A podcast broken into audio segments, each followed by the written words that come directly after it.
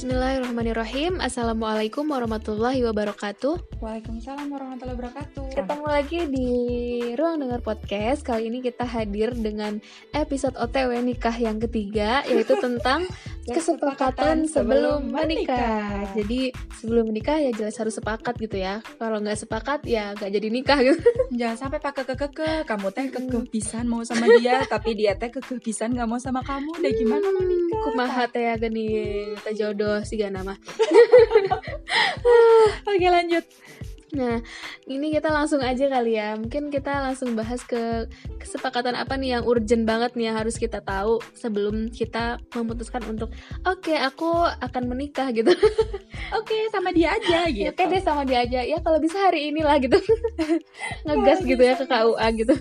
Eh, nikah sekarang juga pokoknya yang penting udah ada calonnya ya gitu. Iya. yang pertama itu tentang jelas yang pertama. visi dan misi gitu. Ini mutlak sih sebenarnya teman-teman. Ya, itu penting banget gitu ya penting ya dalam banget. menjalani sebuah rumah tangga gitu. Kenapa penting gitu? Ayo coba Mbak Di. ya kalau misalnya nggak punya visi misi mau gimana gitu maksudnya kan? Iya, gini loh, tergantung gitu ya. Maksudnya kita tuh nikah itu kalau kita maknai untuk ibadah kalau kita reverse tuh pengen apa ya menikah itu untuk ibadah kita benar-benar tahu tuh makna dalam syariat itu seperti apa ya harusnya memang pernikahan harus dipersiapkan segitunya gitu termasuk dalam visi misi. Kalau misalkan kita tadi di episode-episode sebelumnya kita selalu reverse selalu selalu mention salah selalu mention tentang apa namanya dakwah dakwah dakwah dan gimana kita mau dakwah kalau visi misi keluarga kita juga belum fix gitu sih. Yeah. bahkan terakhir duit kan ikut forum ya ikut forum hmm. jadi forumnya itu yang yang single itu cuma kita bertiga kalau nggak salah waktu itu hmm. dari pasangan pasangan pasangan pasangan eh ya terus ada ibu-ibu juga yang ikutan gitu ya hmm. tapi memang di situ aku ngelihat laki-laki itu sedikit sih yang ikut forum forum seperti parenting dan visi misi keluarga gitu ya itu kan bahas tentang keluarga gitu hmm. terus uh, yang single itu kayaknya cuma kita bertiga gitu waktu itu dari forum sekitar berapa ya 50-an mungkin. Hmm. Nah, terus di situ tuh memang ketika kita ikut forum justru apa ya kayak banyak yang apresiasi gitu nggak apa-apa gitu kamu beruntung ikut forum beginian tuh justru sebelum menikah gitu karena ternyata di situ juga banyak yang curhat gitu gimana kalau misal ternyata suaminya tuh belum menemukan visi hidupnya mm -mm. terus ada juga yang ketika memang salah satu dari suami atau istri ya belum menemukan visi visi hidup gitu itu tuh untuk menyusun visi keluarga pun tuh kesulitan hmm. nah kalau kita udah ngomongin visi keluarga nggak tahu itu pendidikan anak itu udah pasti nggak terarah hmm. Hmm, jadi nggak tahu gitu si anak ini maksudnya atau dalam ketika mau mendidik anak tuh seperti apa itu nggak bisa gitu loh. Hmm. karena bahkan untuk dirinya sendiri belum selesai. Terus tentang keluarga berdua juga belum selesai gitu. Keluarga berdua itu maksudnya suami yeah, istri ya gitu. Hmm. dan ini penting banget gitu. Kita mau mau yang kayak gimana kita mau kuat kuat di rumah tangga maksudnya dari keluarga kecil kita udah beres terus ambil dakwah di luar atau memang pengen banget nih memang fokusnya adalah ke dalam gitu sih -hmm. karena mungkin karena visi misi itu kan ibarat apa ya uh, sarana kita untuk mencapai sebuah goals gitu ya nggak sih? Mm-hmm, Uh -uh. Jadi kalau kita nggak punya hal itu ya kita akan kebingungan sendiri gitu kayak uh, kalau misalkan ada apa ya guncangan, ada apa ya, ada arus yang apa ya menerjang kita itu kita gampang banget buat ikut gitu loh. Jadi kita nggak punya pendirian untuk ya udah kita emang keluarga itu visi misinya ke sini gitu. Jadi jangan sampai kita semudah itu untuk belok semudah itu untuk goyah gitu sih. Mm-hmm. sama yang urgent ini tuh sis. Kan visi misi tuh sebenarnya uh, kalau relate nya tuh relate juga sama standar hidup ya. Mm-hmm. nah ini yang yang ngeri gitu di rumah tangga rumah tangga yang ada gitu kita sering mengukur kesuksesan sebuah keluarga itu pakai nilai orang lain hmm. padahal pasti beda loh kamu nikah misalnya kamu nikah dengan pasangan kamu aku nikah sama pasangan aku yeah. terus aku pakai value value keluarga kamu tuh belum tentu itu masuk gitu hmm. pun itu aku pakai visi keluarga kamu juga belum tentu masuk hmm gitu loh kayak emang beda aja gitu misalkan aku keluarga beda. seniman hmm. sementara kamu keluarga misalkan kamu keluarga pebisnis gitu kan entrepreneur itu pasti hmm. beda gitu loh value-value yang diangkat terus pun visi misinya tuh pasti beda terus bagaimana cara mendidik anak juga beda gitu sih iya treatmentnya juga beda hmm, treatmentnya juga beda gitu, gitu sih. sih jadi ya teman-teman ini harus fix gitu Nah, sekali lagi gitu, kalau di episode sebelumnya kan kita bahas ekspektasi. Nah, jangan pernah berekspektasi pasangan kita udah punya visi misi gitu tapi ya diri kita itu tuntasin dulu punya visi misi gitu sih dalam iya. hidup gitu uh, karena apa ya kalaupun kita udah punya visi misi nantinya terus uh, suami udah punya visi uh, calon maksudnya calon tuh juga hmm. udah punya visi misi ya kita bakal lebih enak justru kita bisa bagaimana kita mengkolaborasikan visi misi itu berdua gitu supaya menjadi kita yang dari single itu udah punya kekuatan dengan visi misi yang uh, lainnya juga udah punya kekuatan sehingga dua kekuatan itu yang bergabung itu menjadi lebih super power gitu loh gitu. Oke, terus yang kedua tadi visi misi udah udah cukup ya menjadi kesepakatan sebelum menikah. Terus yang kedua kesepakatan sebelum menikah tentang keuangan. Mungkin hmm. kamu aja beb yang bisa mengawali pembahasan. Sebenarnya aku nggak expert ya masalah keuangan, cuman uh, mungkin lebih ke yang pertama tentang keuangan itu harus ada uh, kita tahu nih uh, mindset masing-masing tentang uang itu apa sih arti uang bagi masing-masing diri kita gitu. Nah, apakah value-nya itu pertama itu udah sama gitu ya tentang uang itu seperti apa gitu? Apa yang kita gunakan untuk uang gitu? Misalnya uang itu bagi kita untuk apa sih gitu? Seperti apa nilainya dalam kehidupan kita gitu sih? Yang pertama ya, itu harus selaras gitu. Terus juga yang kedua itu bisa ditanyain gitu uang itu kita dapatnya dari mana gitu. Kita mendapatkan uang itu dari jalan-jalan yang seperti apa gitu. Value-nya tuh seperti apa sehingga kita uh, ya udah berarti jalan ini tuh bisa sebagai jalan kita mendapatkan uang gitu sih. Karena ini penting banget ya kehalalan jalan untuk mendapatkan uang itu. Itu jangan sampai uh, salah salah persepsi antar antar pasangan gitu. Jadi kayak sebenarnya value kita seperti ini terus yang pasangan seperti ini. Bagi bagi kita hal itu masalah bagi dia hal itu nggak masalah. Itu jangan sampai gitu ya. Jadi memang harus didiskusikan. Terus yang selanjutnya itu tentang transparansi. Hmm, transparansi. Uh -uh, transparansi. Misalkan uh, ya kita pendapatan pendapatannya dari mana aja. Sama sih kayak yang tadi transparansi pendapatannya dari mana alokasinya untuk apa udah gitu uh, apakah selama ini kita punya hutang utang piutang sih hutang lebih piutang uh -uh. jadi ya hutang piutang itu bukan cuman ini ya hutang minjem ke orang tapi juga cicilan ya gak sih? Mm-hmm. cicilan sesuatu gitu. Itu kayak hutang yang tidak kadang tidak disadari gitu sih. Jadi kayak seolah-olah gak ngutang padahal itu hutang gitu. Jadi yang harus cicilan kita tuntaskan. Mm-hmm. jadi intinya tuh ada komunikasi gitu loh sebelum menikah. Yeah. jadi pun itu kalau bisa ya jadi kesepakatan. Dalam hal ini ya kayak bahkan mm-hmm. tentang aset juga ya misalkan ya nggak apa-apa gitu kalau misalnya emang itu ya asetnya menurut, apa aja mm, gitu. menurut teman-teman itu penting banget untuk dibicarakan sebelum menikah dan itu menjadi kesepakatan bersama ya nggak apa-apa gitu mm-hmm. sih ya sama yang paling penting value uang itu digunakan untuk apa sih jadi mm-hmm, sampai... itu penting banget sih itu penting hmm. banget justru itu yang pertama harus kita cek loh misalkan kayak menurut dia alokasi uang itu dipakai untuk apa gitu hmm, sampai sejauh apa tuh kita bisa ya kita cukup dengan diri kita terus uang yang lain tuh untuk apa gitu sih. Mm-hmm. kayak gitu. Oke. Okay. terus yang ketiga pendidikan anak. Ini udah sering udah sering saking seringnya jadi sering ini udah sering kita bahas ya pendidikan anak gitu. Ya ini juga tadi nyangkut ke visi misi. Jadi visi misi seperti apa itu akan mempengaruhi pendidikan anak kita akan seperti apa. Apakah anak kita nantinya homeschooling? Atau kalau anak kita nantinya masuk ke sekolah yang seperti apa gitu? Terus nggak nyampe sekolah dulu deh. Maksudnya treatment 0 sampai 6 tahun di rumah itu seperti apa juga hmm. itu perlu banget loh dibahas gitu. Karena ya menyangkut dengan visi misinya gitu. Anak hmm. itu akan dibikin seperti apa gitu. Nah itu sisi yang sering muncul itu. Bahkan ya Allah aku tuh belum nikah ya tapi aku sering di di itu jadi tempat tempat curhat para mama-mama gitu ya.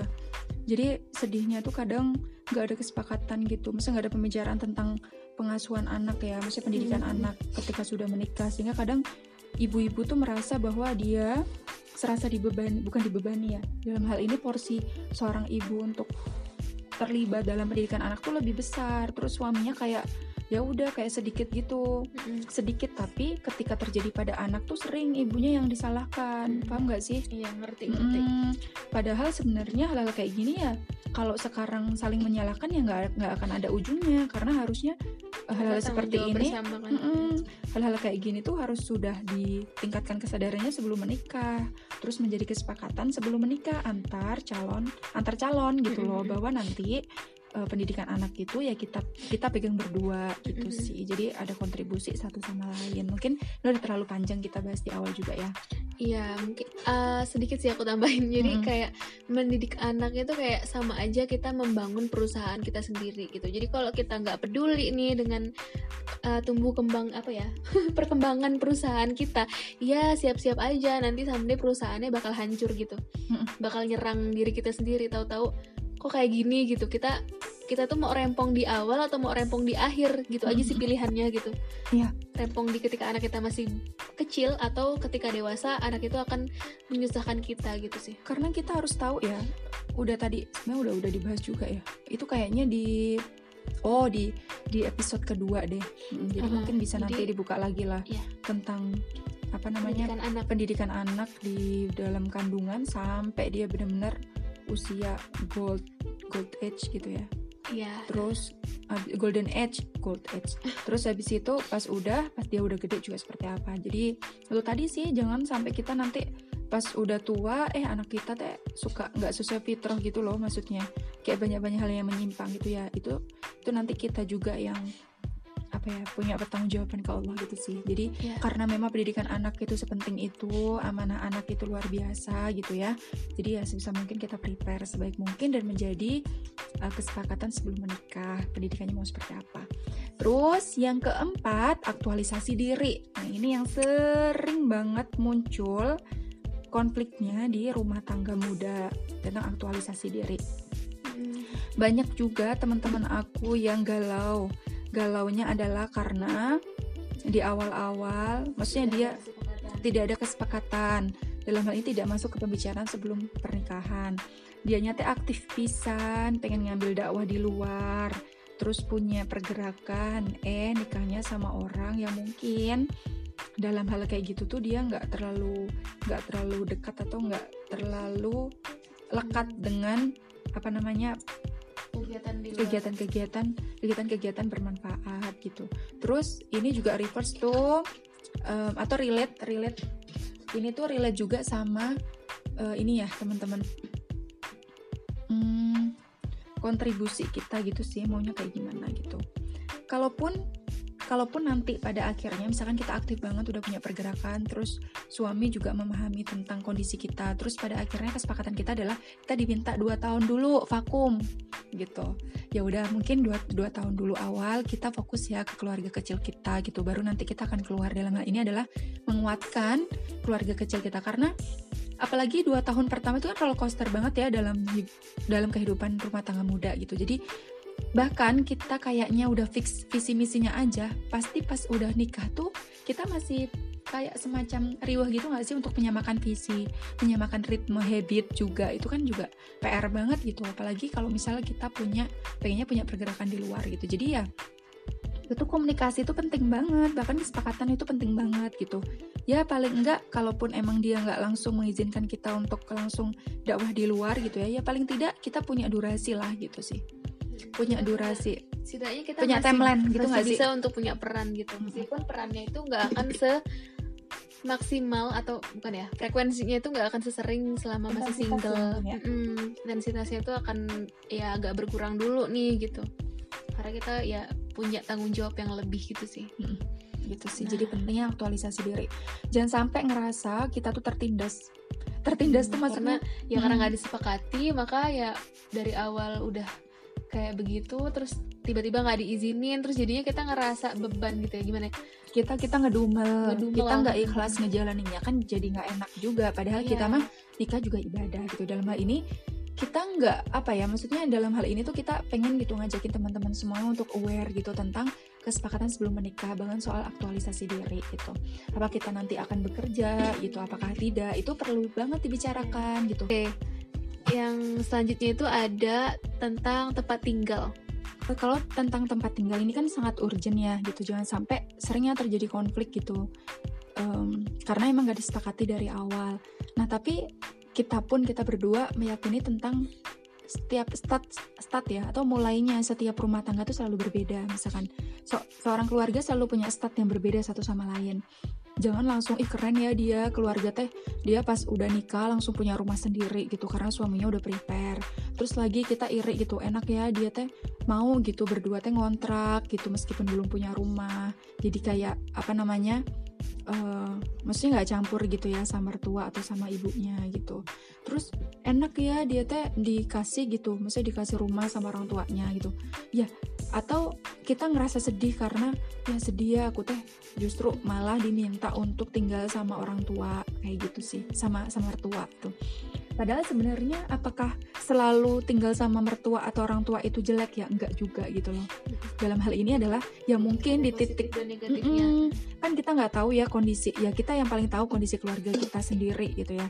Kalau misal di titik itu memang kan kita nggak tahu mungkin ada yang sakit gitu ya dalam hal ini orang tua sakit ya misalkan. Ya terus kita memang di start awal menikah itu memang harus menemani beliau gitu. Ya memang itu pilihannya gitu. Cuma yang perlu kita sepakati adalah tentang batas intervensi. Penting ya. Maksudnya intervensi itu gini campur tangan keputusan pengambilan keputusan itu sejauh mana. Asal dalam hal ini ketika kita memang pada akhirnya memang harus tinggal bersama mertua karena memang lebih baik itu kan pisah ya lebih baik pisah gitu. Maksudnya dalam hal ini lebih baik tuh ya nggak apa-apa kok gitu ngambil rumah atau ngambil kontrakan yang agak dekat sama orang tua sehingga kita tetap bisa mengontrol kondisi orang tua gitu loh kalau emang mau kayak gitu sih. Terus oh ya tadi batas intervensi. Ini penting ini penting banget. Bahkan ini harus ditanyakan. Dalam hal ini batas intervensi orang tua kita masing-masing itu seperti apa nantinya? Ya, ya intinya semua tentang tempat tinggal dan batas intervensi ini. Kenapa kita bilang tempat tinggal ini relate sama batas intervensi? Ya karena kadang sering kali tempat tinggal yang bersamaan itu memang agak gitu, agak membuat batas intervensi kita itu bias gitu. Iya. Karena kita harus tahu lagi tuh bahwa di sini di keluarga kecil kita ada yang namanya kepala keluarga gitu, kepala rumah tangga dan itu yang memang keputusan-keputusannya yang harus dihormati dan apa ya ya kita saling berkomunikasi gitu bahwa hmm. ini keluarga kecil kita. Bahkan gini deh termasuk tadi ya uh, sebelumnya kita udah ngomongin tentang standar keluarga yang memang pasti beda itu nah itu juga relate juga tuh sama itu. Ya kalau misalkan menurut orang tua kita misalkan kita tinggal sama kita aku gini deh misal duit ini tinggal sama sama mertua gitu. Terus mertua kan pasti punya punya value yang berbeda gitu dalam keluarga. Hmm. pun kita gitu punya value dan standar hidup yang berbeda. Pun itu juga nggak bisa kita terapkan ke keluarga kecil aku gitu sama suami gitu sih gitu. Keluarga duit sama suami. Karena kenapa ya? Karena kita pasti punya standar baru gitu ya. Karena kenapa ya? Karena emang kita dua pola asuh yang berbeda dan kita udah punya visi misi yang berbeda sehingga ya itu standar hidup harus kita punya sendiri. Itu aja sih teman-teman. Jadi aku pengen nge-review ya. Teh ada tambahan nggak kamunya? Palingan ini sih. Jadi uh, tentang tadi ya tempat tinggal tuh mau punya rumah atau nggak punya rumah itu tergantung dengan uh, kita value-nya seperti apa dan goals-nya itu seperti apa. Jadi jangan terlalu terpengaruh oleh hmm, standar sosial. Standar sosial kan seringnya kayak ya nikah harus punya rumah dong gitu. Berkeluarga harus punya rumah. Padahal kan enggak gitu. Tergantung kita gimana value-nya, gimana goals-nya kita, visi misinya kita apa. Apakah kita memang perlu punya rumah? Apakah kita memang perlu kendaraan uh, yang bakal support kita atau enggak gitu kan tergantung dari kita jangan terpengaruh oleh uh, apa ya tuntutan sosial deh gitu jadi kita hmm. harus punya value standar kita hidup sendiri standar, standar hidup, hidup kita sendiri gitu hmm. aja sih sama satu hal deh aku jadi ingat tentang house sama home ya hmm. yang ter yang terpenting dalam sebuah pernikahan itu bukan house bukan yeah. bukan bangunan rumah hmm. tapi adalah home home itu adalah tentang apa ya tentang rumah-rumah yang benar-benar menjadi tempat kembali hmm. tempat tempat tumbuhnya apa namanya peradaban-peradaban baru yang jauh lebih mulia dan akan memberikan kebermanfaat kebermanfaatan gitu. Yang per, yang kita perlukan adalah di mana itu adalah tempat kita menjadi tempat kembali suami kita gitu ya dengan kondisi yang sangat menenangkan gitu. Terus yang terpenting adalah gimana kita bisa membangun sebuah keluarga yang nantinya akan sama-sama mengetuk pintu ridhonya gitu. Itu itu sih yang terpenting. Jadi bukan tentang house tentang bangunan rumah itu ada atau tidak apakah ada atapnya apakah kita punya rumah apakah rumah itu harganya berapa apakah rumah itu bagus atau tidak tapi bukan. Tapi adalah kenyamanan dan bagaimana kita benar-benar punya rumah yang serius apa pun di luar sana kita selalu punya tempat kembali. Itu aja sih teman-teman. Semangat untuk teman-teman kita semuanya.